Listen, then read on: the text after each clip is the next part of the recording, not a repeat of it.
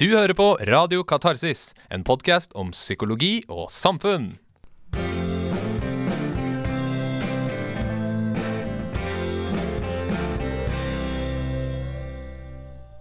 Ja da, da er vi her. Første podkast, Radio Katarsis. Eh, mitt navn er Håvard Fjelde, og jeg skal være radio-host i dag. Um, vi har også med oss vår frekke Jens Biel. Hallo. Og Ragnhild. Hei, hei. Og Benny. Hei sann. Ja, um, vil dere starte med å si noe om dere selv? Smil igjen. Uh, ja, jeg eh, heter uh, Jens Emil. Jeg er uh, har vært med i Katarsis-avisa da, i to års tid. Har gått der fem år på profesjonsstudiet psykologi. Snart ferdig ordentlig psykolog.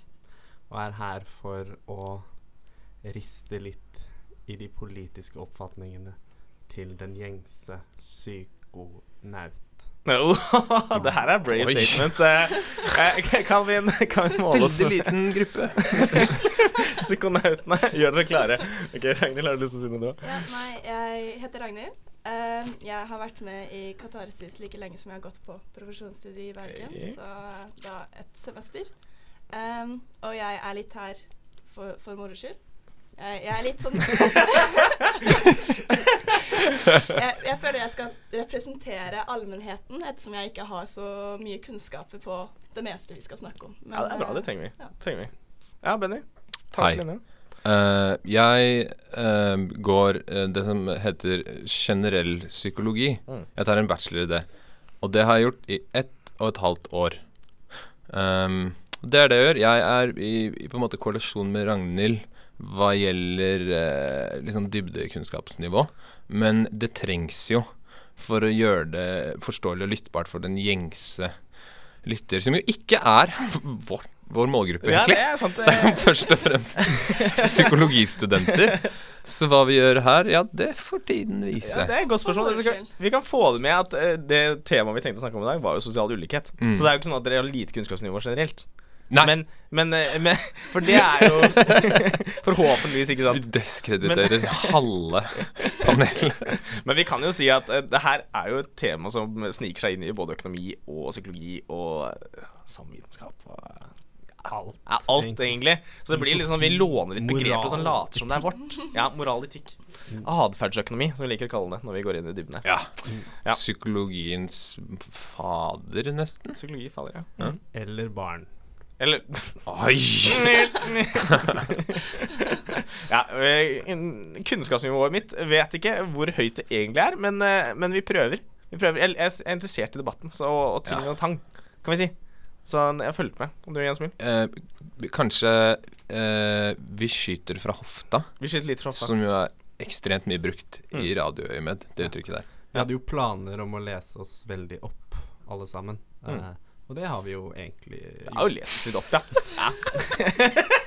vi kan jo si at det er høyt faglig nivå og høyt kosenivå. Ja. Det er veldig viktig. Prøver å legge oss der på et sted mellom uh, Folkeopplysningen Ja. og Radioresepsjonen. Ja, det er litt lurt å, å fortelle Ikke hva like, vi på en måte ikke like morsomt som Radioresepsjonen. Ikke Er du sikker på at du ikke kan love det? Hva vår visjon er, da. Ja, Vår visjon er jo å bringe kunnskapsformidling og sånn til, til en viss grad, men også få med den liksom, debatten og litt, eh, litt egne refleksjoner og tanker. Altså kan vi, ikke, vi kan ikke love alt er 100 korrekt, men vi, vi prøver å holde oss så, så streit til Ja, og hva eh, tenker vi å på en måte ta opp? Hva skal denne podkasten bestå av? Ja, det blir jo psykologitemaer, da. Ja. Ja. Prøve å holde det relevant for oss eh, psykologifolk, og forhåpentligvis andre også. For psykologi er jo ganske bredt eh, populærvitenskapelig eh, tema i tillegg. Vi skal, treffe, vi skal prøve å treffe så mange som mulig, rett og slett. Rett og Så interessant som mulig for så mange som mulig. Alle har en hjerne. Alle liker å bruke den. Det er litt psykologi overalt. Ja. Var Fint sagt. Takk. eh, takk, takk. Tenkte, Der er det vi starter, egentlig. Kan la den ligge der. Ja, det jeg, er tror, veldig bra. jeg tror kanskje Men ok. Um, før vi starter på temaet, så tenkte jeg vi kan kanskje si litt grann mer om hva det er som har skjedd denne uka her og sånn. Ja, eh, Benjamin, har du, har du noen tanker? Ja, om- jeg innspill? tenker å på en måte begrense til ting som omhandler meg. Ja. Eh, jeg er opptatt med hva som har skjedd denne uka. Eh, jeg er jo opptatt med å lese til eksamen, Ja. som jo veldig mange andre kan relatere seg til, tror jeg, Det det i disse tider. Eh, men jeg vil egentlig dra fram en, uh, den mest interessante tingen som hendte meg. Hendte meg i dag, faktisk. Ja. Da jeg var på min lokale kaffestove Blom, Blom. som okay. ligger rett ved Det samfunnsvitenskapelige fakultet ved Universitetet i Bergen. Um, der så jeg ingen ringere enn Trond-Viggo Torgersen. Nei! Kjendis, kjendis. sant! Kjendis spotted. Ja, uh, da tenkte jeg passer ypperlig for radio. Eh, og så tok jeg min kaffe og gikk. Ikke noe selfies med Trond-Viggo.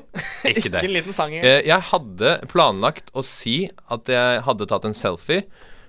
eh, Og så fortelle at jeg viste alle dere i rommet selfien, og Ja. så var det egentlig bilde av en penis. Ja. For det hadde vært veldig gøy, tror jeg. Jeg, jeg innbiller meg det hadde vært veldig, veldig gøy. Men ja. Nei, eh, takk for meg. Takk for deg. OK, Ragnhild, er det en story? Uh, nei, eller liksom jeg, jeg har gått helt rundt i en euforisk sinnstilstand siden Oi. jeg er ferdig med Alexander. Hey! Gratulerer. Gratulerer. Og det, jeg, jeg tror jeg står, i hvert fall. Jeg vet ikke noe mer enn det. Nei. Men det, det er det som holder for Ja, ja, meg akkurat nå. Stå er viktigst. Det, ja. Mm. Det, det, det er det som har skjedd med meg. Ja, ja. Ferdig. Ja, uh, ja, nei, jeg har jo også drevet litt med den der eksamenslesinga. Ja. Egentlig ikke så Nei, nei, nei. Um, men som ja, så har jeg psykosomatisert uh, litt i det siste. Vært litt sånn svimlete og stressa. Ja. sånn som man gjerne blir på denne tiden av året, tenker jeg. Selv en psykolog kan få en smell. Spesielt en psykolog kan få en selv. Eh, så Men det går bra. Det kommer ikke til å påvirke min uh, funksjon her i kveld i det. Nei, ikke før vi hører på, i hvert fall. I kveld. I kveld. For det er kveld, er det ikke det? Det er ikke kveld. det er ikke, det er ikke kveld. ja, nei, eh, personlig så har jeg vært ferdig med eksamen for lenge siden. Og har Oi, gratulerer. Ja, takk, takk. Eh, har en god måned fri, minst. Oi. Eh, og det er faktisk mer stressende enn det er hyggelig, nesten. Ja vel. Ja, det er merkelig, fordi liksom Når du ikke har noe å gjøre, Mm. Så blir liksom strukturen litt borte, og så er andre, alle andre rundt deg har jo fått eksamener og sånn, så det blir en sånn rar følelse. Ja, riktig. Følelse. Mangler du en hobby, vil du si? Nei, altså, jeg mangler jo egentlig ikke en hobby. Nei. Så det er egentlig bare sånn Det er det derre metaperspektivet, at jeg går ikke framover, mens liksom resten av samfunnet liksom eh, Ja, det her blir veldig dypt, da. Og dette skjedde på Føler én at måned. du stagnerer og går i oppløsning. Ja. Sånn, Hvem er jeg egentlig nå? Er jeg han som sitter i sofaen og, og gamer? Men det er greit. Men Jeg da må er det bare veldig den. fint at du har masse sånn podcast-editing å gjøre Ja, dagene Det er true. Også, og Det er, true. Det, er, eh, det er et ansvar jeg tar på med glede. Mm. Da avtalte vi det nå. Da. Takk for ansvaret. Uh, vote of confidence. OK, nice. Men uh, da tror jeg vi egentlig bare smeller i gang. Uh, eh, vi er fortsatt på eh, sosial ulikhet, og vi tenkte egentlig å fokusere litt mer på sånne økonomiske perspektiv. Liksom fattigdom og litt sånn greier. Ikke helt den derre kjønnsdebatten og sånn, Nei. egentlig. Det er ikke egentlig der vi er. Men uh, Jens Mil, har du lyst til å kick us off, liksom? Ja, jeg kan prøve det. Jeg gikk jo veldig hardt ut uh, å si hva jeg skulle gjøre her i dag. Hvis dere andre sa sånn Nei, for moro skyld, så sa jeg at jeg skulle bare uh, røske i de politiske oppfatningene til den gjengse psykonaut, tror jeg det var det jeg sa. Så da får jeg vel prøve på det nå, da. Stå for det. Uh, det er ikke, jeg, skal ikke, jeg er ikke egentlig her for å, for å endre noen meninger, eh, sånn sett. Eh, men uh, tenkte jeg skulle liksom kontekstualisere denne debatten her litt, da. Lurt. For uh, i uh, Det er altså sånn, Vi vet jo alle det, egentlig. At vi bor i en verden eh, hvor ressursene er ganske skeivt fordelt. Ja. Og det er det jo altså ulike meninger om hvorvidt er uh, moralsk feil, eller om det er helt greit, eller om det er rettferdig eller urettferdig, hva alternativene skal være. Det er vel ikke egentlig den vi skal gå inn i i dag, men det har jo vist seg sånn at dette er iallfall en et økende fenomen, Mm. om ikke et problem. Det at verdens ressurser er i er eh, ja, ujevnt fordelt rundt både mellom land, men også spesielt innad i alle land i verden, så skyter da altså forskjellene mellom overklasse og underklasse eh, fart, da. De, de mer velstående blir enda mer velstående. Ja, Ja. De velstående blir mer velstående. Ja. De fattige blir mer fattige, iallfall relativt Ja. til de velstående. Mm. Kanskje ikke absolutte termer. Eh, det var jo denne godeste franske sosialøkonomen Thomas Piketty Mhm. som eh, Det var vel i 2011 eller 2012, Ja, det er så sant. lanserte han eh, sin eh, bok 'Kapital i det 21. århundre'. Mm. Som med en liten sløy referanse til gode gamle Carl Marx eh, i tittelen. Eh, der, uten at det er veldig, egentlig er et sånn veldig kommunistisk dokument, men han eh, detaljerer iallfall da ut i denne boken hvordan eh, hvordan trender i eh, ulikhet har manifestert seg gjennom historien. Og han eh, mener da at vi er på et historisk høyt nivå i dag eh, hva gjelder forskjell i inntekts- og formuefordeling. Eh, forrige toppunkt på denne grafen som han, eh, eh, presenterer, var rett før første verdenskrig.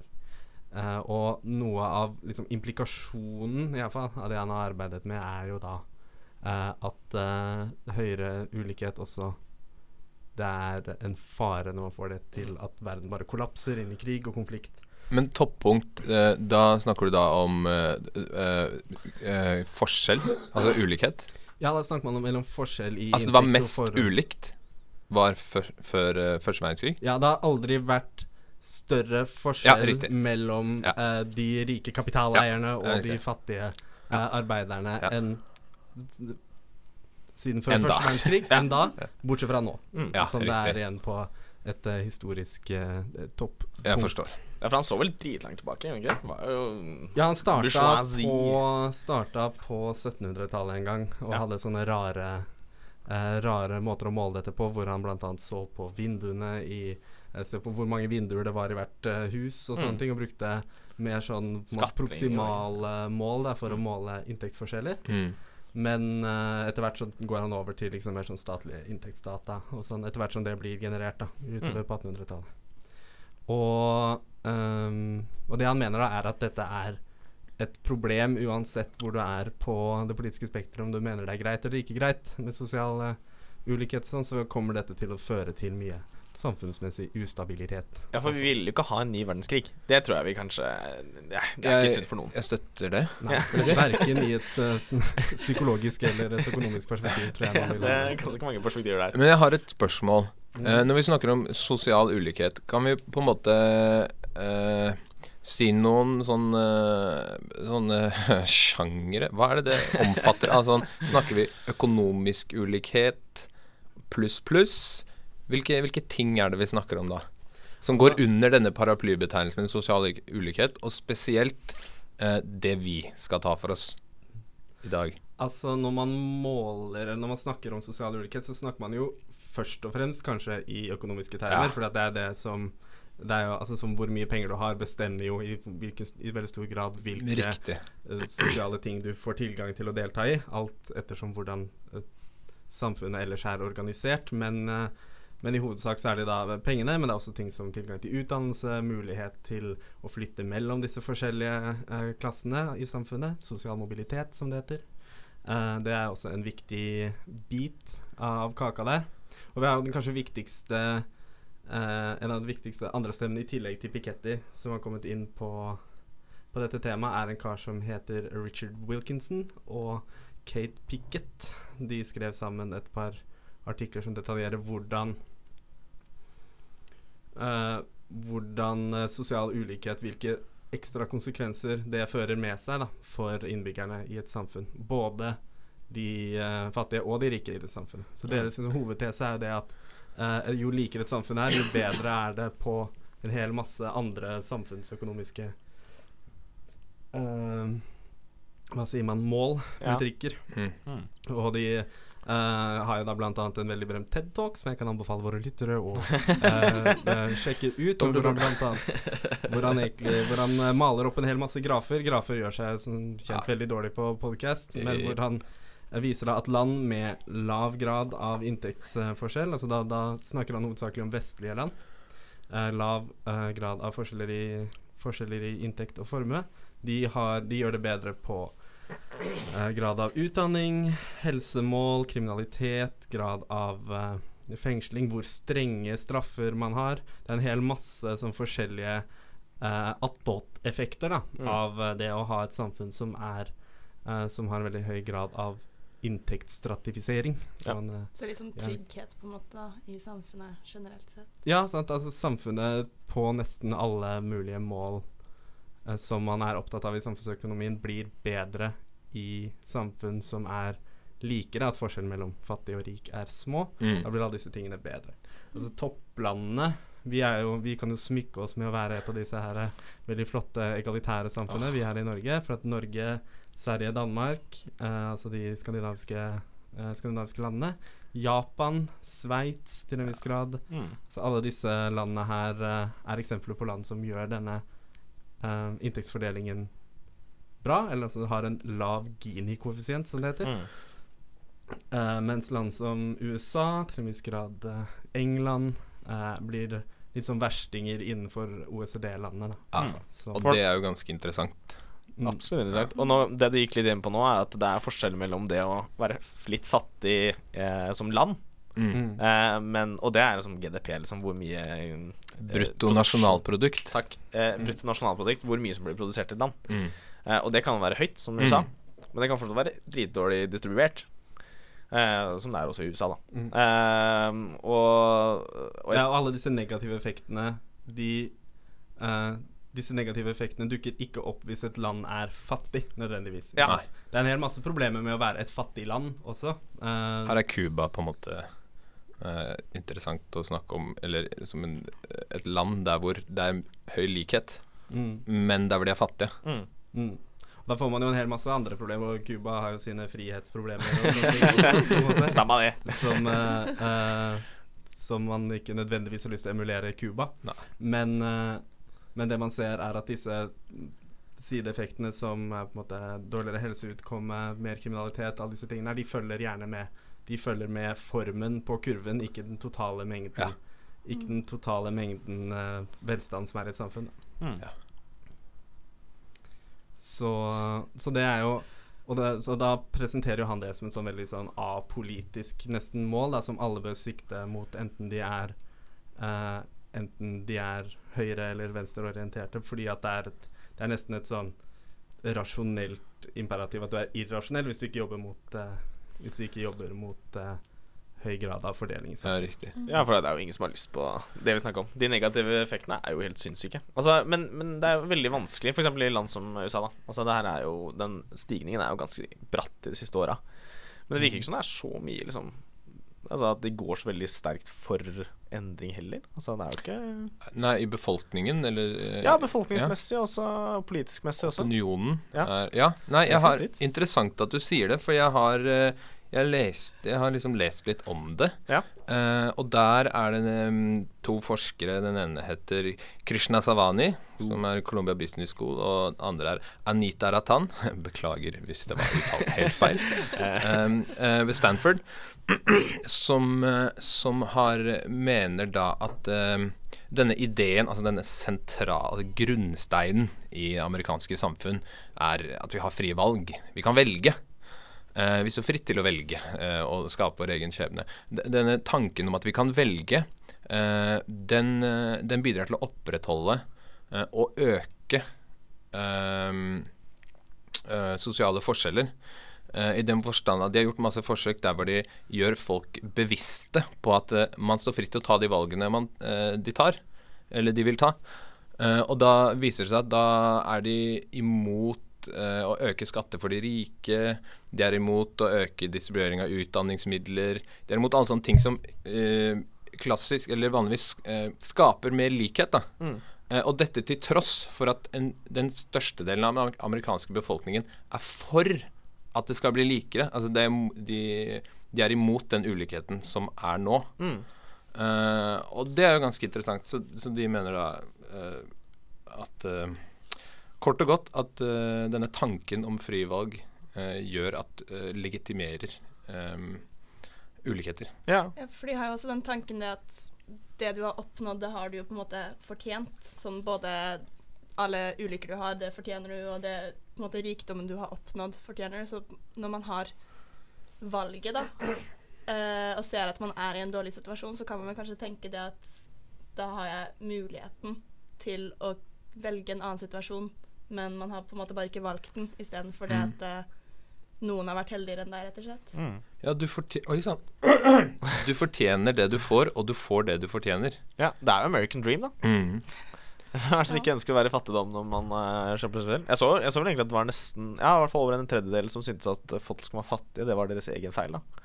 Ja, for det er på en måte Det er jo den eh, Man kan nesten si Uh, fundamentale attribusjonsfeil. Ja. Hvor Ja, ja. det da er Altså, de tar bort den derre eh, At det ikke er eh, samfunns- eller sosiale faktorer som Ja. er delaktige i det, men det er i aller høyeste grad personlige liksom, egenskaper som gjør at de, de er der de er. ja for det, er- altså, det er sånn Kan du kjapt ta og forklare fundamentale Ja, jo, veldig fint at du sier det, Jesper. Eh, den fundamentale attribusjonsvalg er jo da eh, den tendensen vi mennesker har eh, til å eh, attribuere eller tillegge eh, en eller annen eh, handling eller noens handling eller noe som har skjedd, til eh, sånn den personen er, og ikke til eh, de årsakene som er rundt, eller situasjonelle årsakene, som man kaller det. Så for å eksemplifisere dette, så eh, ser jeg Jens Emil gå på gata og høre på musikk, og så er det sklin og faller. Og da tenker jeg For en dumrian det er Jens Emil. Men så er det jo mest sannsynlig kanskje det er noe vått løv, eller kanskje til og med et bananskall. Fortsatt litt dummere han, men ja. Mm.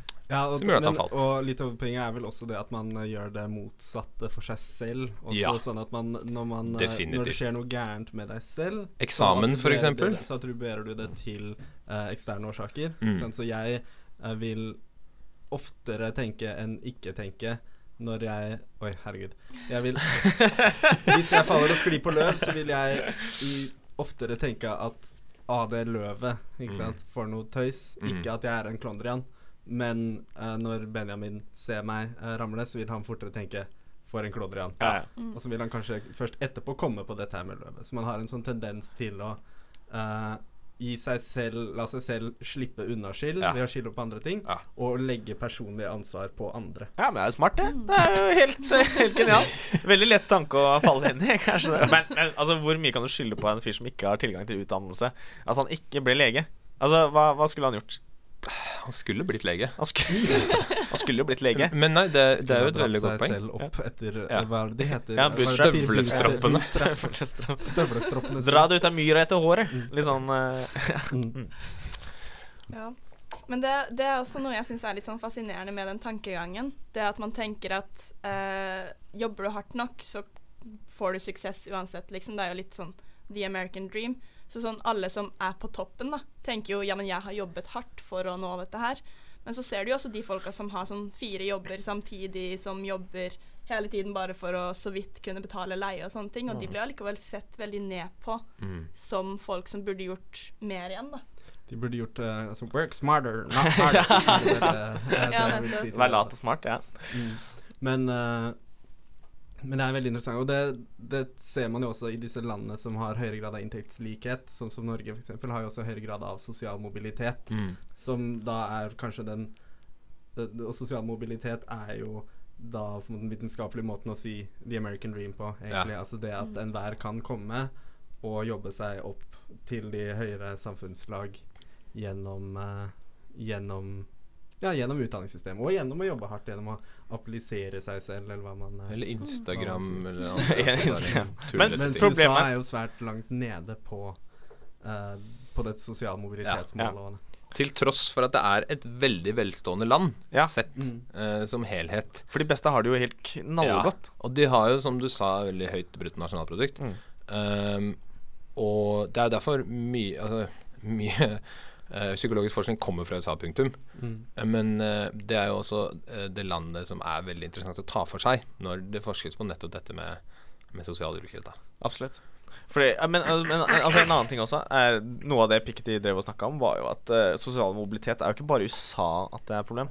Altså Det er på vei til å dø generelt i befolkningen, og det var ganske dødt egentlig før første verdenskrig. Fordi kapitaleierne var så Altså de eide jo så sinnssykt høy del av, eh, av, av pengene. Og da hadde de liksom stort sett kontrollen, og alt ble liksom fanga i det mønsteret, da. Mm. Jeg tror du nok like gjerne kan si egentlig at sosial mobilitet har vært eh, Ser kanskje ut Det er det man kanskje er litt redd for, da. At har vært et sosialt, artiv, eh, altså, sosialt sosialt artifakt fra 50-tallet til 2000-tallet, på Ja. måte, hvor det var en realistisk mulighet for en stor andel av iallfall innbyggerne i vestlige land. For at det, du skal nok hardt kunne argumentere for at det var veldig mye eh, sosial mobilitet i føydalsamfunnet og sånne ting heller. Bonde én 1 er bonde 1. Uh. Eh, fordi at altså ulikheten, skjevheten mellom måte, the haves and the have-nots uh, var jo veldig stor uh, før Altså sånn godt før første verdenskrig òg. Og det var jo noe med at den der originale skjevheten som blir etablert her, er jo noe av det som manifesterer seg også til den ulikheten man ser første verdenskrig. Men det interessante er at uh, det ser ikke ut til at man Man har ikke vært i stand til å holde dette nivået uh, Holde dette nivået lavt, altså man oppnår etter andre verdenskrig. Ja. For det, det er liksom det som er det tragiske man ser i den forskningen, er at de eneste tingene som med sikkerhet fører til en høy grad av inntre, altså inntektslikhet og formuelikhet, er eh, ting Er sånne skumle ord som man ikke liker sånn ellers, som krig og katastrofe og Så, hyperinflasjon. Finne fram høygaflene, folkens. Eh, det er på tide å styrte staten.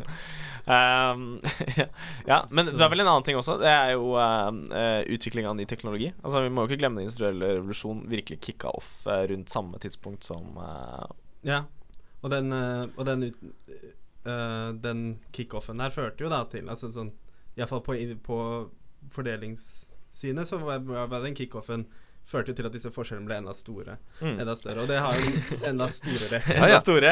ja, ja. Det er vanskelig å være på radio, man mister det. Mister. Eh, og når uh, Så det kan jo det, Men det gir jo veldig mening, fordi at det er noe med at du etter hvert som teknologien blir en viktigere del av økonomien, så blir jo måte, kontroll over teknologien viktigere enn kontroll over folk. Eh, sånn mm. Ja. eh, bare ene og alene. Sånn at det å eie da produksjonsmidlene, som de skumle marxistene snakker om, blir jo det som gjør deg i stand til å eh, Til å utnytte andre. Og, du, og eh, teknologien blir jo en viktigere bit av kaka. Altså sånn De som skal operere teknologien, blir jo i høyere grad eh, I høyere grad utskiftbare. Ja. Og så blir de også uh, bare en mindre del av de totale. Altså Før det så var jo produksjonsmidlene mennesker, og Ja. mennesker må strengt tatt behandles på en OK, nå løper jeg litt sånn ja, det er veldig dypt, eh, det òg. Ja. Nei, men Det er litt utenfor. det er jo ja, det er spennende. Det er spennende Og vi kan jo tenke i forhold til teknologi. Altså Hadde Bill Gates vært rik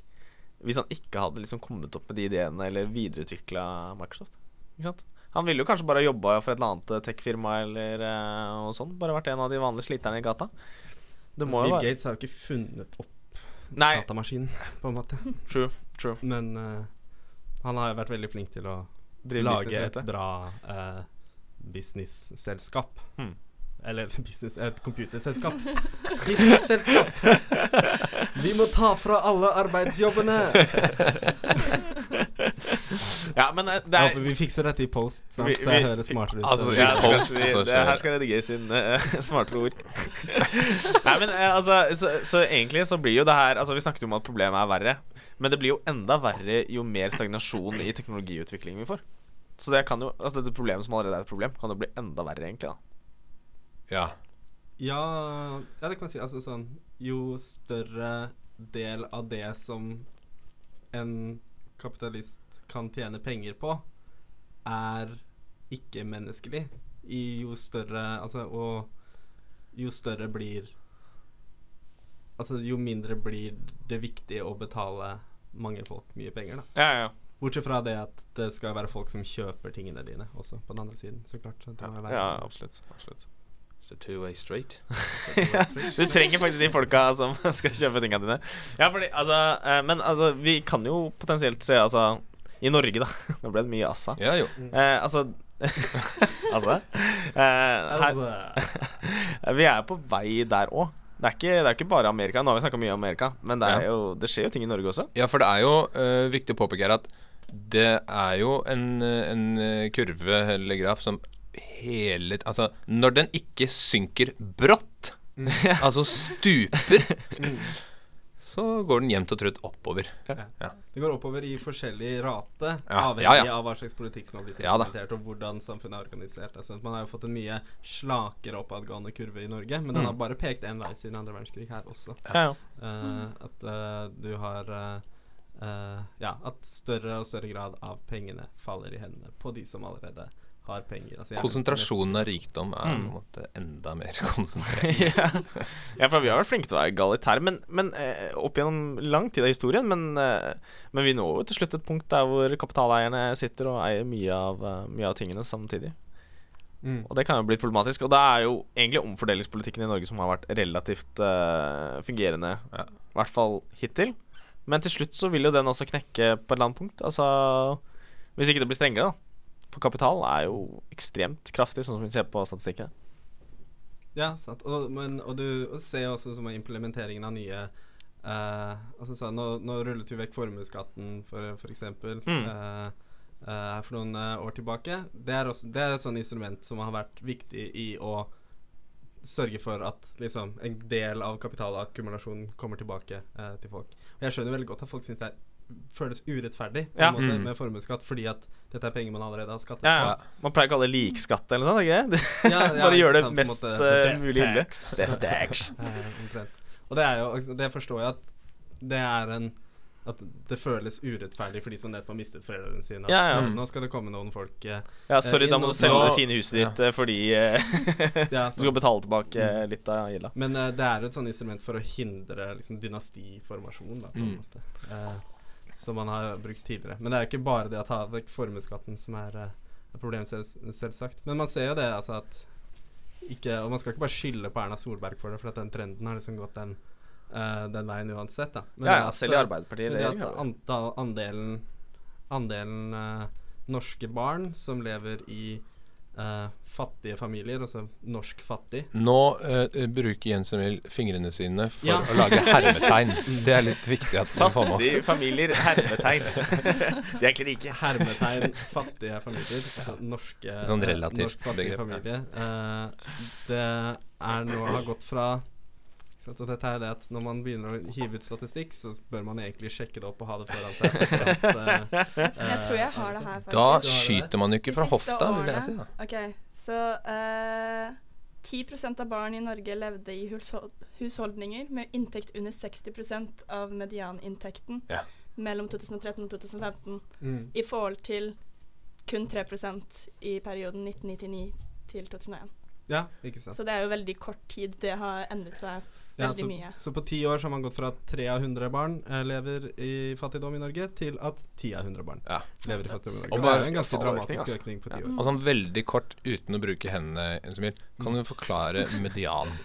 Ja, altså sånn Ja, dette, dette blir jo dette her Man opererer Når man snakker om fattigdom i, på et sånn eh, stort nivå, så opererer man jo med to forskjellige måter å tenke på det på. Det Riktig. ene er forskjellige grader av liksom det man kaller absolutt fattigdom. Da Ja. setter gjerne FN eller noe sånt et eller annet mål som bestemmer uh, Som bestemmer hva som er Ja. fattig. Ja, du har ikke råd til vann, du har ikke Ja. råd til uh, mel. Sånn, ja, ikke sant. Og da, og da opererer man med Jeg tror det man bruker i FN nå, er én dollar dag. Ja, ja, eller noe sånt, ikke sant. Så det er å være absolutt fattig, det har man jo knapt i Norge. Det, det har man vel ikke i Norge. Det. Nei, resten av Men- verden er jo veldig få som er faktisk ekstremt fattige. Eller altså, Ja. det er mange fattige, men det er Mm. få ekstremt fattige lenger. For det er jo ikke relativt til noe som helst. Det er bare én dollar er én dollar. Det er absolutt mål. Da har du råd til å overleve.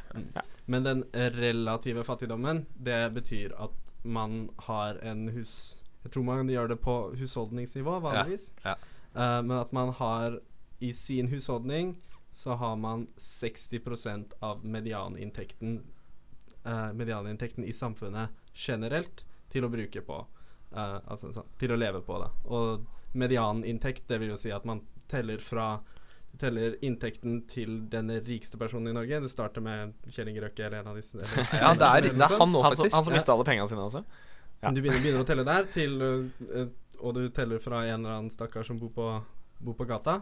Og så går du nedover til du kommer til uh, midten. Ja. Mm. Eh, og så tar du 60% av det, og da er du fattig Ja. i Norge. Uh, I relativ forstand. Og da har altså da gått fra 3% i 1999 til 2001. supert til Eh, 10 i 2013 til 2015. Det er ganske mye. Det er faktisk Jeg er overraska over den eh, økningen der. Men takk for på at det er Norge også, for vi ser jo setter jo oss jo selv på en litt sånn pidestall på en måte og tenker Ja. at alt er så fantastisk. Mm. Men Mm. det er jo litt sånn man ikke ser, da. Spesielt siden det er sånn relativ Var det det du kalte det? Relativ fattigdom. Mm. Uh, men det, det som på en måte er litt sånn vanskelig med det, for jeg har lest bitte litt på ehm, sånn hva de har prøvd å gjøre med dette her, og hva de tror kan ha ført til denne endringen. Mm. Um, det er jo ingen sånn ordentlig enkel løsning på hele greia. uh, fordi um, Jeg har lest en sånn artikkel om det at i disse årene så har regjeringen endret støtten fra uh, penge, sånn økonomisk støtte til sånne lavinntektsfamilier, til mer sånn eh, støtte til sånne tjenester, da, som barnehage og sånn Riktig. fritidsaktiviteter og sånne ting. Mm. Eh, og en av grunnene til dette var at de eh, ikke ville f.eks. at ehm, innvandrerfamilier som kommer, og som oftest har da eh, kun én forelder i jobb og mange barn, at de ikke skal ikke integreres. Mm. Fordi da holder de barna hjemme, og mor kommer ikke ut i jobb og sånne ting, fordi de tjener på Mm. eh, støtten. Ja, ja. Eh, men samtidig så går jo da dette kuttet i støtten utover folk som ikke da eh, Som er integrerte familier, og som Mm. eh, f.eks. barn når de får tilbud om å kunne spille fotball, så hjelper ikke det et barn som ikke vil spille fotball. Mm. Eh, når man øker sånn støtten til tjenester istedenfor sånn støtte. Ja, for Litt av detaljene her på, på hva som var relativt fattigdom i Norge, Ja. er jo klassisk den derre OK, her har vi en enslig mor, f.eks. Har et par barn. Eh, og det er vanskelig å kunne kjøpe inn fotballutstyr. Altså, du må ha leggskinn, du må ha strømper og sko, og alt det er ganske dyrt. Tennis er jo bare å glemme. Drit i det. Golf. Det er sn ikke snakk om. Hvem som har lyst til å spille det, er et annet spørsmål. Men, men det, er, det er ytterst store problemer her. Så, og, og bare den sosial Altså bare det å være sosialt utestengt. Altså Bare Ja. se for deg alle Alle guttene og jentene på, på barneskolen nå om dagen spiller jo fotball. Mm. Ikke sant? Nesten alle. Og, så, og da, hvis du ikke får lov til å være med på guttelaget eller jentelaget, og du har lyst, Ja. bare for at du ikke har råd til leggskinna dine, det er kjipt, altså. Og, du, og, og sosialt utestengning de luxe. Ja, for du kan falle utenfor. For det er ikke snakk om Det er jo mer snakk om sånn som du sier, at man ikke har mulighet til å være med på alt som eh, de omgangskretsene din eller dine jevnaldrende er med på. Um, og i tillegg mest sannsynlig da kanskje ikke dra på ferie, Ja. som da er veldig Som nesten alle gjør. Mm. Uh, men er du fattig i, norske, i, i, forhold til norsk standard, så har du mest sannsynlig ikke det. Og det er jo et sosialt stigma som følger med, som jeg regner med at uh, man kjenner på. ja, klart. Um, og og det fører til da at man føler seg utenfor, eller utenforskap, Mm. som man kan kalle det. Ja, så det er ikke sånn at man er Man har råd til å leve. Ja. Det er, altså, de færreste dør Mm. av fattigdom i Norge. Mm. Uh, men det er ikke det at det kommer uten problemer Nei.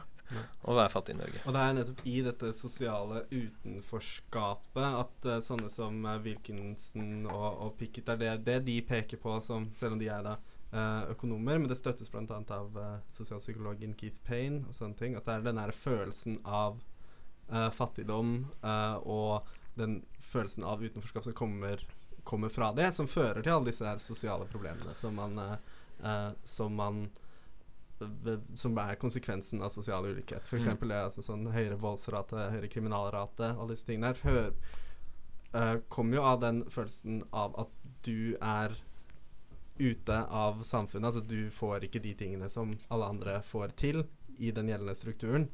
Og da reagerer du med å gå i et slags sånn ehm, hva skal man si, opprør mot, Mm. uh, mot dette systemet. Da. Ja, da, jo høyere grad av ulikhet du får, jo større grad av organisert kriminalitet og sånn får du fordi, nettopp fordi at uh, Ja, litt sånn unge, sinte menn, på en måte. Den, uh, den tingen der, de får Altså De får det for seg at det er den eneste muligheten deres for å oppbygge seg status i samfunnet. De må ta seg ut av den sosiale rangstigen som alle andre klatrer på. Mm. Fordi at den, har de, den føler de ikke at de har tilgang til, enten det er riktig eller ikke riktig. Og så lager de seg alternative hva skal man si, eh, sosiale rangstiger Ja. For de har jo lyst på det alle andre har lyst på. Altså, Det er sånn Hvis du kommer fra et fattig strøk, du ser den diggeste dama eh, kjøre av gårde i Ferrarien til, eh, til Jens Emil på Bærum, og så Du Så maler et klassisk bilde. Vil si. Benny fra østkanten blir litt sur. Blir litt småsur, begynner å kaste litt, eh, litt steiner mot Jens Emil. Er, jeg syns det høres forståelig ut, jeg. Jeg får steinkast, som jeg har brukt som måleenhet, er en veldig reell del av min hverdag. Altså, det, er en, det er et virkemiddel jeg bruker, eller brukte veldig ofte, da. Ja. I det at jeg kommer fra Oslo øst. Men, altså, så, men det er jo men, Og det ser man jo altså i, den, i politikken uh, nå også. Det har jo til og med altså, Steinkast har vært uh, på nasjonal, uh, på, i nasjonale aviser hele året nå, føler jeg. Dette her med eh, det med Ja, altså barn fra østkanten som kaster stein på natteravner og så lignende. Ja, Ja, shit, det, er- det er reelt. Der jobbet jeg Mm. faktisk i sommer. Ja. Uh, vet ikke om jeg skal snakke sånn Du opplevde kanskje ikke så mye steinkasting? Uh, nei, men eh, i Stovner var jo der det hendte. Ja, ja, riktig. Ja, og det var, det var en interessant opplevelse for meg å jobbe der. Det var veldig stille og rolig og hyggelig. Det var jo godt å høre, da. Alle disse skjønne ungdommene som er fra, fra Stovner. Men ja, ja, steinkast har vært i det har vært en reell situasjon. Men det er farlig, da. Altså, det er jo Det er jo, det er jo farlig. Det er jo dritfarlig, skal ikke kimse av det. Skal ikke kimse. De som kaster stein, slutt med det. Det er ikke bra. Nei, men, ja. nei, men Men det, er, altså men det er veldig interessant det der slutt med det. Det er ikke bra, på en måte. For det er jo, det er jo litt den der sånn klassiske uh, For å løfte det opp på et slags en sånn eh, hva skal man si psykologisk-politisk eh, nivå. Det er jo den, gjerne de to fortellingene en som kommer Den ene fortellingen som kommer fra venstresiden, og den andre for, fortellingen som kommer fra høyresiden rundt sånne problemer som det der, Ja. er veldig sånn interessante motdeling. Fordi at høyresiden er slutt å kaste stein Ja, ja, ja. det er dårlig gjort. Det moralske, Ikke sant? Det, ikke sant? Det, er den moralske tingen, mens venstresiden er sånn OK, men hva er det hvor, Hvorfor er samfunnet sånn nå som det ikke var for ti år siden, Ja. at folk kaster stein? Ikke sant? Ja. Det er mer den altså, sånn venstre Ja. eller, eller Det er kanskje mer analytiske måten å, å se, se på det på i, i, hele tiden. Så har du også da da vil Høyre eh, Høyresiden svarer på det gjerne ofte med at dette er innvandrere som har andre moralske Som har en helt annen moralsk Drøye linjer her, men Nei, jo, Nei, nei, det er jo ikke det. Det er det du ser. Altså, Ja sånn, det, det er det du ser. Altså, sånn, dette er innvandrere som kommer fra en annen kultur og har andre normer Ja. og Ja. eh, regler som gjør at de syns det er greiere å kaste sten. Ja. Mens, uh, mens folk på venstresiden vil si at Ok, men det har skjedd noe med den sosiale stratifiseringen her som gjør at disse menneskene føler på utfordrings- u, utenforskap osv., og, så videre, og derfor har det skapt en kultur der steinkast er blitt en mer legitim måte å uh, handle på. Ja. Ikke sant? Og det er ikke sånn Jeg skal ikke gjøre meg sånn til dommer over hva som er den riktige og feile måten å se på Men høyresiden har feil. Jeg lurte Ja, du beklager, Simil. Nei, nei, nei, nei, jeg lurte bare på kanskje om vi skulle eh, veldig kort eh, rede for stratifisering. Ja, stratifisering. Ja, stratifisering uh, det, det har jeg sikkert sagt det ordet fire-fem ganger i løpet av dagen. Jeg. Nei, stratifisering betyr bare altså inndeling i forskjellige nivåer. Ja. Ikke sant? Strater. Så, eh, og er, man kan si, at, kan si det sånn at et samfunn vil jo alltid til en viss grad være stratifisert på en hel masse forskjellige uh, variabler. Ja. Inntekt sannsynligvis en av dem. Ikke sant? At det er noen som tjener mindre, noen som tjener mer. Men når man snakker om høyere grad av stratifisering, så mener man jo da at forskjellene mellom de forskjellige nivåene er større. ja. Ja. så hvis du har fulgt med så langt, så får du endelig forklaring på hva stratifisering er, og kan dermed skjønne retrospekt hva det er egentlig vi har snakka om. Men jeg lurte på en liten ting. Hvis jeg foregriper nå, Håvard, så må Ja. du bare arrestere meg. okay, Ikke kaste kast meg i fengsel. Um, dette, dette er veldig interessant. Nå har vi snakket om at USA er veldig Det er ulikt der. Uh, men eh, det er jo veldig en, et sted mye mer nærliggende enn USA, og det er jo Oslo. Der hvor det viser seg å være ganske Ganske Det, det er stor sosial ulikhet på noen områder, og spesielt dette med levealder er forskjellig fra Oslo vest og Oslo øst. Og det er snakk om ganske mye også. Prøver du å eh, sentre nå? Eller Ja, nå sentre Nei, nå? Ja, sentre. Ja, nei, for man har jo sett det også på at eh, eh, Altså, det går en, eh, det går en eh, åre gjennom, uh, gjennom Oslo. Tenker du på Akerselva? en åre av snerk, tror jeg. Var det ikke heroin og kokain det er mest elva i verden? Ja, det er vi også flink på. Nei, det tror jeg var mer sånn det Lysakerelva. Det var Lysakerelva. okay, ok. så det var mye kokain i, Ja. ikke sant? gjennom Bærum og Oslo vest. True. Um, men uh, Uh, Nei, nå Ja, vi snakker om men Altså, sånn, på, på, altså, sånn, mellom Oslo vest og Oslo øst, Ja. på hver sin side av uh, Akerselva, så ser Ja. man et eh, Fortsatt i dag, selv om man Og Akerselva går gjennom byen. Det er, ja, tvers gjennom Ja, byen. tvers gjennom byen. Tvers gjennom Løkka og Ja. Sagene og sånn. Alle disse kule Ja, Alle de kule stedene. Ikke sant? Tok det veldig lang tid å komme til det poenget. Men uh, det er altså da uh, ti års forskjell i forventet levealder Ja, mellom yep. Der, østsiden og venstre Øst og vest. Og vest, øst og vest Ja. uh, i Oslo er det ti års fors uh, forskjell i levealder. Og sannsynligvis også da og du ser det jo, altså Kriminalstatistikken og sånn viser det. Grad av bruk av rusmidler og sånne ting viser det også. Som Mm. kommer med Som er korrelert, iallfall, med denne her eh, Med sosial ulikhet. Ja, for det er ganske heftig. Altså. altså, Vi står og slår oss på brystet og sier sånn ja, vi har nesten lengst levealder i hele verden, og Mm. la, la, la, la, la. Og så er det sånn innad Norge. Hovedstaden vår er rett og slett ganske delt, altså. Ja, Mm. shit. Og er så er det folk som dør ti år tidlig. Altså, det er Unnskyld, men nei, men det er mange år. Ja, Det er, det er det. I forhold til hvor lenge vi lever, så er det Det er, det er en decent amount. Og vi har ikke noe sånn som Vi har ikke noe sånn eh, kullgruvejobber å skylde på for at, eh, at noen får jernlunger, eller hva det kalles. Vi sender, sender ikke barn ned i minene Nei. Nei, det er sant. Det er andre måter å dø på. Det er litt mer sånn stressrelatert, og sånn er det vel kanskje regna mer, da. Men, men det er viktig å være også litt sånn Ikke være for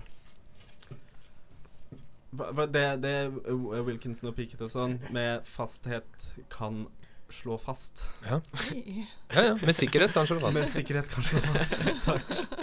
Er jo, er jo det at det fins en sterk korrelasjon mellom disse uhumske og kjipe sosiale fenomenene og sosial ulikhet. Ja. Det som er vanskeligere å slå fast fra den typen forskning, er jo altså Det er jo et retningsproblem her. Altså Mm. Man kan jo eh, Det går jo an å argumentere for, uh, iallfall, uh, at den sosiale ulikheten kommer av disse sosialt uh, uaktverdige eh, handlingene. Da? Mm. Sånn at folk som oppfører seg skikkelig, og som ikke tar uh, dop og ikke er kriminelle og sånn, de blir rike. eh, mens de som ikke De som oppfører seg på den måten, de blir fattige. Ja, for vi har vel litt om risikoatferden øker vel litt, gjør den ikke det? Ja, Eh, jo, det viser seg altså På forskjellige studier så viser det seg at eh, eh, både eh, følelsen av ulikhet og faktisk ulikhet eh, gjør at man eh, At man utviser mer risikoatferd. Og det er på en måte operasjonalisert ved, ved gambling, da. Mm. Som, eh, som der um, de som eh, er i nedre ende av inntektsskalaen, um, gjør mer risikable gambling-bets um, i forskjellige eksperimenter enn de som er i øvre del, eller over, bare. Mm. Uh, de som er i, i nedre del. Er dette han Keith Payne igjen? Det er Keith Payne blant annet, ja. Der er det, det, er, det er noe som på folkemunne i USA kalles 'tax on the poor', og det er Powerball-lotteriet, som det er et veldig veldig svært uh, lotteri i USA. Um, og, og det er bare statistisk så er det mange flere lavinntektsfamilier eller personer um, Altså uproporsjonalt flere enn uh, høyinntekts De som kommer fra høyinntektshusholdninger, som kjøper uh, det her Powerball-lotteriet. da Ja. um, og så da kommer jo da spørsmålet Ja vel, så de er fattige fordi de, de, utly, de utviser risikabel atferd. Uh, men, men det mener man at kanskje er en litt sånn lett uh, snarvei å, å, å ta. Ja, fordi- men for, at, men for at han har gjort noen eksperimentelle studier også som skulle prøve å etablere hva som fører til hva her. Har han ikke det også? Nei, for det, Du snakket om det i går. Var det ikke noe med at uh For vi har, all, vi har allerede snakket litt om det. Vi har diskutert litt. Vi har hatt en gjennomgang litt. Grann. Så Jens Emil sier vi snakket om det i går, så er det fordi Det er ikke forrige podkast. podcast. Vi kan klippe Det er første. første. Dette her kommer rett fra levra. Altså. Ja. Uh, ja. Uh, nei, altså Det han eh, Det de mener uh, Fordi det er en studie med, canadiske psykologer som har Som på en måte etablerer Mener de, da, at det er ikke nødvendigvis det at du er fattig. Det er bare følelsen av å være fattig eh, som gjør at eh, du, øker sjansen for eh, for risikabel, risikabel risikoatferd. Ja, risikoatferd. Ja, er risikoatferd. ja. Ja, generell risikoatferd. Ja. Men altså, det gir jo fullstendig mening også. Både, både det at liksom, når du først er fattig, så er det vanskelig å begynne å spare opp til, uh, til f.eks. college for barna dine. da Hvis du Mm. tar spesielt USA, fordi du Mm. bruker pengene dine kort og godt på andre ting. Og det har jo noe med at du ser at alle rundt deg har det bedre enn deg. Du tenker kanskje OK, hvis jeg satse litt på Powerball-lotteriet, da. Jeg har lite ressurser, men jeg kan vinne millionen ekstra, da. Mm. Eller sånt. For meg gir i hvert fall det veldig mening. At Mye, det mye er enklere å ta en sånn eks, et ekstremt steg Ja. og håpe at det går, selv om det er stor sjanse for at det ikke går, enn det å ta veldig små steg og håpe at det går til slutt. ja, ikke sant. Ja. Det er sånn Sjansen f jeg, jeg, jeg, vil jo jeg vil regne med at sjansen for at du tar en rolig, forsiktig, steg for steg Ja. eh, holdning til det å gjøre livet ditt bedre, øk, altså, minker jo flere steg du må ta. Ja. Mm. Så hvis du er allerede i bånden av bøtta, og det, det fins kanskje altså sånn Det fins en teoretisk mulighet. Det fjellet for, ser høyt ut, Ja, på en måte. Det høyere det ser ut. Det, det fins en teoretisk mulighet for å klatre deg ut av gjørma med å Mm. måte bruke litt mindre penger på alkohol, bruke litt mindre penger på eh, ja, på dumme ting. Ikke sant? Ja. Ikke kaste bort pengene dine på Powerball og sånne, eh, sånne greier som det der. Men, men det er vanskelig å eh, Hva skal man si konseptualisere den, den stigen, Mm. holde den i minnet og liksom tenke at Mm. hver lille sten du putter på det slottet, Ja. gjør ting bedre. Når du kanskje klarer, hva, du klarer å spare hva 200 dollars Nei, det er ganske mye. Ja, det er Du det var ikke du bare klarer å spare 200 kroner i måneden, Ja. da, på en måte, eller sånn, og så tenker du at det skal du bruke til å kjøpe deg et hus en dag. Ja. Ikke sant? Det er Da er det mye lettere å falle for fristelsen. Ja. sånn, ok, jeg vet det er en sjanse, men jeg bare kaster meg på skjebnen og øh, vinner i Lotto, og så ordner alt seg. Ja, og sant? problemet er jo også litt det der ikke sant? For det er jo helt konge hvis folk faktisk klarer å komme seg ut av det her. Og det klassiske eksempelet er jo innvandrerfaren som jobba hardt fra han kom til han, til han døde tidlig fordi han jobba så hardt for at uh, sønnen eller datteren eller sånn skulle få uh, god utdanning og universitet. Ikke sant? Så har du de suksesshistoriene, og så er det sånn Da er det jo veldig lett å tenke Ja, ja, men alle burde jo komme seg dit. Mm. Men det er ikke så lett. Faen for en viljestyrke du må ha for å Altså, ja, men jeg liker å ta meg en liten eh, drink her ny og ne, og det er ikke rart at de også har lyst til å ta seg en liten drink, for å si sånn. okay, en, ok, nå skal jeg prøve å komme med et fagord. Ja. Gjør deg klar til å bli bedt Premiere på fagord. Eh, Dagens fagord.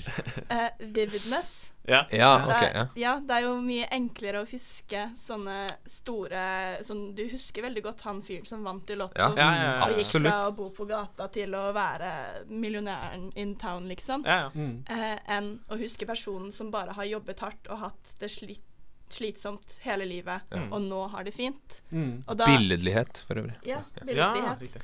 eh, og liksom det som du husker enklere, er vel det du tror er mer sannsynlig for at skjer. Det er sant. Ja. Og det er Det er det, sånn som er greia med Ja, ja, ja. Så, som er samme greie med sånn OK, du tror det er skumlere og Eller større sjanse for å dø i et flykrasj enn Bil. for å dø på, i bil. Mm. Ja. Fordi at det- det er større. Ja. Nettopp. Ja. Mm. Ja, det er mm. Det var fagordet mitt for Ja, i dag. og det henger jo også sammen med uh, og, og du kan ta den videre også. Det de, uh, det de har, er kanskje noen sånne uh, fairytales av den typen der, hvor Mm. folk rett og slett klarer å vinne i, i Lotto. Ikke sant? For de er Altså sånn, Det dissemineres jo på, på nyhetene og sånn eh, hele tiden. Og så bare, Ja, ja, ja. og du ser reklamen, Du liker for, de ser reklamen Mm. for eh, Lotto. På en måte, ah, 200 millioner kroner, eh, det kan du vinne. Dritbra. Men du vil kanskje ikke ha så mange Hvis du bor i et samfunn med lav grad av sosial mobilitet, så Ja. vil du ha mye færre historier Mm. uh, om eh, i ditt nærmiljø og sånne ting. Du vil ha en mye mindre vivid forestilling av hva det vil si Mm. å klatre seg gradvis opp til et uh, godt liv. Og så får du jo så klart også uh, igjen den eh, mediepersepsjonen av hva vellykkethet er. Ikke sant? Det er uh, Kardashian-familien. Det, Ja, ja. Det, det, det er sånne ting som blir presentert. Og, det er, og den stigen Altså, den veien kan du jo ikke klatre med å spare dine, dine slanter i løpet av i løpet av en måned. Nei, altså dine slanter hver måned fra stein på stein. Du klatrer deg ikke opp til Kardashian. ikke sant? Du klatrer deg du klatrer deg kanskje opp til at du klarer å skrape sammen noe, et enkelt eh, college for barna dine og et eh, nedbetalt lån. Det er sikkert mulig, men Ja, ja. Det er den vans vanskelige stigen. Ja, for nå er du jo veldig inne på noe her, og det er jo det nettopp det med oppfattet ulike Altså man sammenligner seg mm. med andre. Mm. For det er jo noe Eller sosiale medier, globalisering, altså tilgjengelighet generelt, er jo bare blitt større og større. Og dermed også eh, det man sammenligner seg med, er blitt lenger og lenger unna eh, i, i forhold til eh, hva som er realistisk å nå, og hvor rikfolk er, osv. osv. Eh, I et samfunn der man ikke nødvendigvis vet har så mye Hva skal man kalle det? Eh, et litt isolert samfunn, da, så er det jo i mye større grad likere. Eh, ja, det var ikke så Nok om det. Men jo, nei, nei. Um, poenget mitt er jo at det er igjen masse studier som viser at det er følelsen av å være fattig, eller følelsen av ulikhet, uh, som er på en måte den, den avgjørende um, avgjørende faktoren som skaper misnøye. Da. Mm. Uh, og også um, uh, så viser det seg at de som er faktisk velstående, og faktisk er rike, som er i på en måte øvre ende eh, av denne skalaen, de ser jo ikke på seg selv som rike, eller er fornøyde med å være rike. Eh, de sammenligner seg med de som er enda rikere. De vil på en måte kunne si ting som Ja, vi er i nedre del av énprosenterne. Så vi er ikke så Altså, det finnes folk som er mye Stakkars oss. rikere. Ja, det finnes folk som er mye rikere enn oss. sant? Så da blir det en sånn Det er gjort undersøkelser hvor, eh, hvor eh, det viser seg at de som er gjort oppmerksom på at de er i nedre del av skalaen, de blir kjempemisfornøyde eh, og ønsker at det ikke skal være sånn. Mens de som er i øvre del, de har ikke noe særlig tanker om det. Så det er en hel haug tapere, og så en hel haug som bare er helt ja, content, eller det passer dem helt OK å være rike. Nå ser jeg mye iver i Ragnhilds blikk her. Ja. Eh, ja, for jeg, uh, vi snakket jo om dette her i går også, og jeg lurte på hvordan det var med de som har jobbet seg opp til å være rike, i forhold til de som blir født rike, da, og bare plutselig får det. Nei, Du må se mer i Oi, mikrofonen. Ja. når skal. Eh, skal si det, si- det Ja, igjen. ok. du det til. eh, jo, for vi snakket om det i går, at uh, de som Eller jeg lurte på forskjellen da Ja. mellom eh, gleden til de som er født rike, Ja. og de som jobber seg opp til det. Ja. Og jeg fant faktisk en studie gjort eh, ved Harvard. Så herlig at Mm. du hadde løst det, for det hadde ikke jeg. Eh, men de hadde i hvert fall gjort en studie med 4000 millionærer. Åh, Eh, det var mange. ja. Eh, og de fant at dekamillionærene, altså de som har en nettverdi Ti- på ti- 10 ja, ja. millioner dollar, yes, eh, at de som hadde tjent seg opp formen da, gjennom har, har, hardt arbeid og uh, sånne ting De som starta med lite. Nettopp. One million dollars. Nett, ja. Small Small, loan. loan. De var tydeligvis mye lykkeligere enn de som hadde blitt født rike Ja. eller giftet seg inn Ja, i rikdommen, fordi de kunne se forskjellen da, Ja. i livet sitt mellom nå og da. ja. Faen, alt er relativt. Er det ikke, er det ikke merkelig? Fy faen.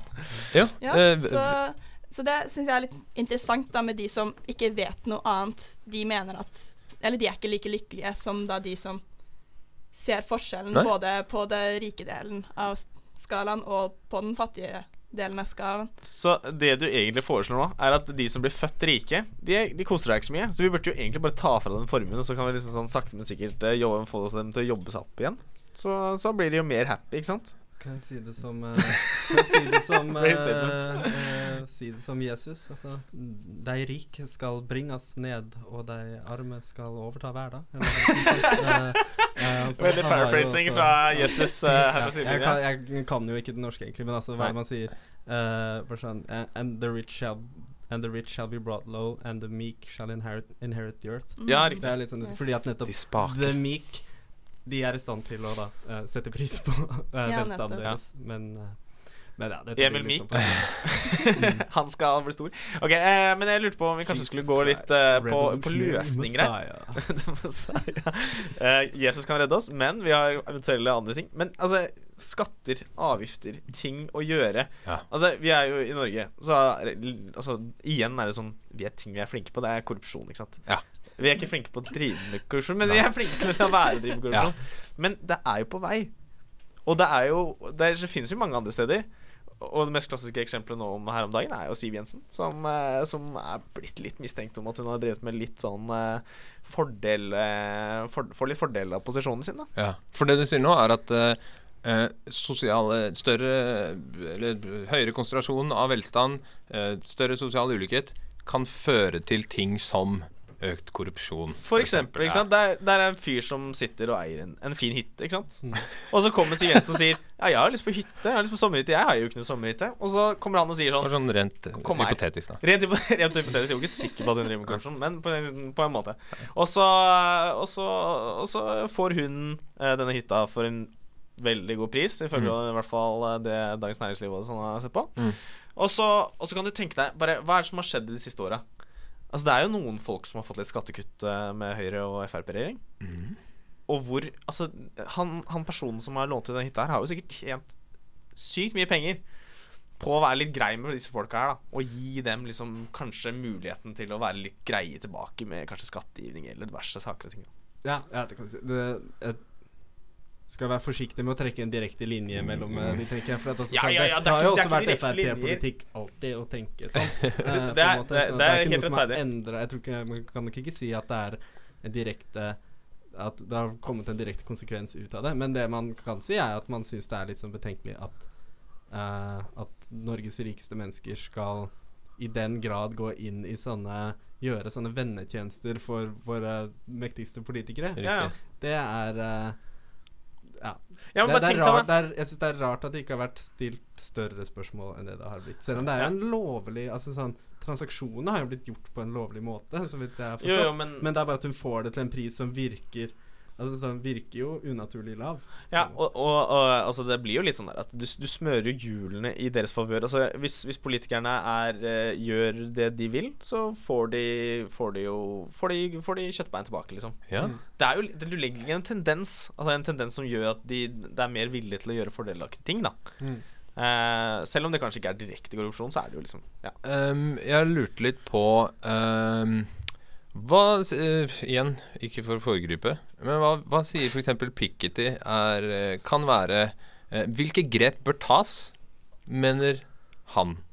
Ja, han er jo litt sånn utopisk i det han mener skal være en løsning. For en av de tingene han peker på som det største problemet, problem det som fører til og hindrer muligheten til å redusere denne utviklingen, Ja. er skattekonkurranse mellom land, og da spesifikt eh, skatteparadiser og sånne ting som gjør det mulig Som svekker Altså så det, det blir en sånn globaliseringstendens som svekker nasjonale myndigheters mulighet til å drive effektiv skattepolitikk. ja, fordi at uh, bedriftene alltid har en mulighet til å flagge ut til steder med lavere skattenivåer. Og spesielt i, i tilfelle skatteparadiset så har det jo ingen nedside heller, fordi du kan fortsette å ha produksjonsmidlene dine der det er mest effektivt å ha produksjonsmidlene dine.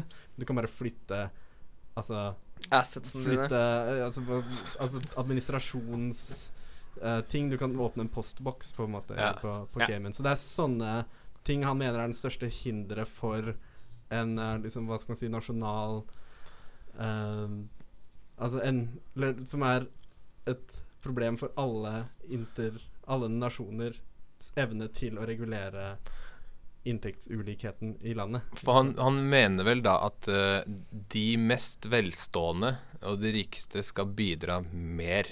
Ja, Ja. det, det er ja, så, så progressiv Så han snakker om eh, progressiv skattepolitikk som på en eller annen måte skal være overnasjonalt uh, Hvordan sier man 'enforced' på norsk? Oh, ja, eh, Håndhevet? Håndhevet. Håndhevet. Håndhevet. Ikke tenk på det. eh, så, så det er de tingene det, det er de tingene han peker på, da, som, eh, som en slags sånn medisin. Om det, om det hadde funket, og om det hadde For det, det, virker jo som det er en sånn tendens til at uansett hva du gjør, så klarer du ikke Det, det, virk, det, det er ingen venstrepolitikk som noensinne har blitt implementert, som har hatt en Som har snudd kurven. Ja?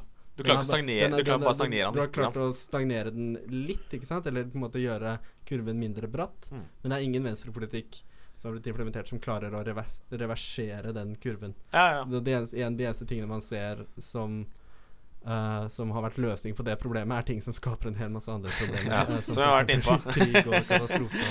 Koselige greier. sånn. Det trenger jo ikke bety at det ikke finnes virkemidler man kan gjøre, men det har ikke historisk blitt implementert et virkemiddel som er effektivt i uh, inntektsulikhetsredusering.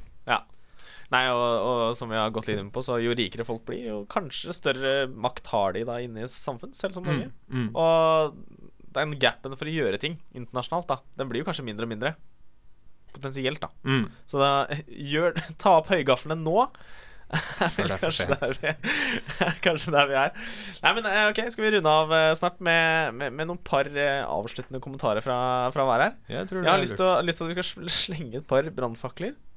Om, eh, om løsning Kraftig løsningsforslag. OK, Ja. Benjamin, hiv din. Ja, altså øh, n- Hva som kan være et godt tiltak for øh, å, å, å gjøre samfunnet likere.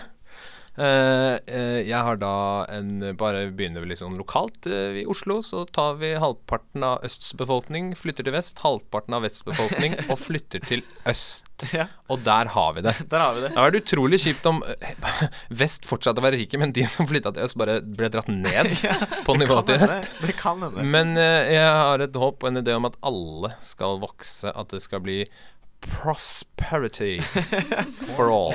Det her går veldig mot det vi snakka om i stad, med den der eh, uvitenhetens slør. Da. Så det blir jo enda mer krig i en liten periode. Eh, Ja, nå har vi ikke snakket om det, kontekst. så kanskje vi ikke skal snakke om det siden vi, Vi har, runder av. vi har nevnt uh, det eh, på en tidligere Ja, Riktig. Jeg tror ja, vi, vi, vi, vi klipper den her i post. Ja, nei, men ja, det er uh, god fakkel. God fakkel. Uh, Ragnhild? Uh, nei, jeg tenker det, det er jo bare én ting som har hjulpet Ja. før, og det er vel krig og kaos. Krig og kaos. Eh, eneste man har sett at det har funket. Det er så effektiv medisin at, uh, at det funker. Uh, det var du også enig med tidligere, Jensvin? Nei. Ja, jeg, tenker, jeg, jeg tenker vel å si det sånn at uh, folk må bare slutte å sutre, og så kan de spise kaker. Ja. Helt enig. Har du ikke råd til brød, spis kake. Ja. Ok, ja, Min brannfakkel er kraftig beskatning av, eh, av arv eh, og eh, av egenkapital. Og sutrete bærumsgutter kan, kan se langt etter arven Tvangsflytting av sutrete bærumsgutter til Furuset. til Furuset. Der skal de få opplæring av Benjamin.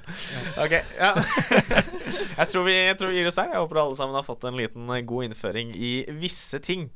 Ja. Og, og saker Og fått litt sånn psykologisk perspektiv. Sy og litt økonomisk og litt diverse saker. Ja, nei, eh, nice. Eh, da tror jeg vi egentlig bare kan eh, takke f.eks.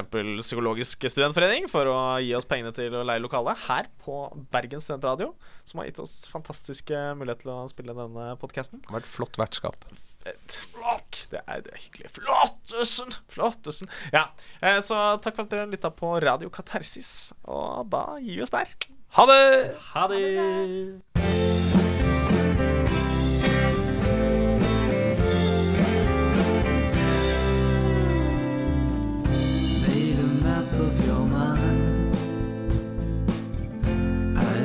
I've charted my course. I'm sailing deep inside.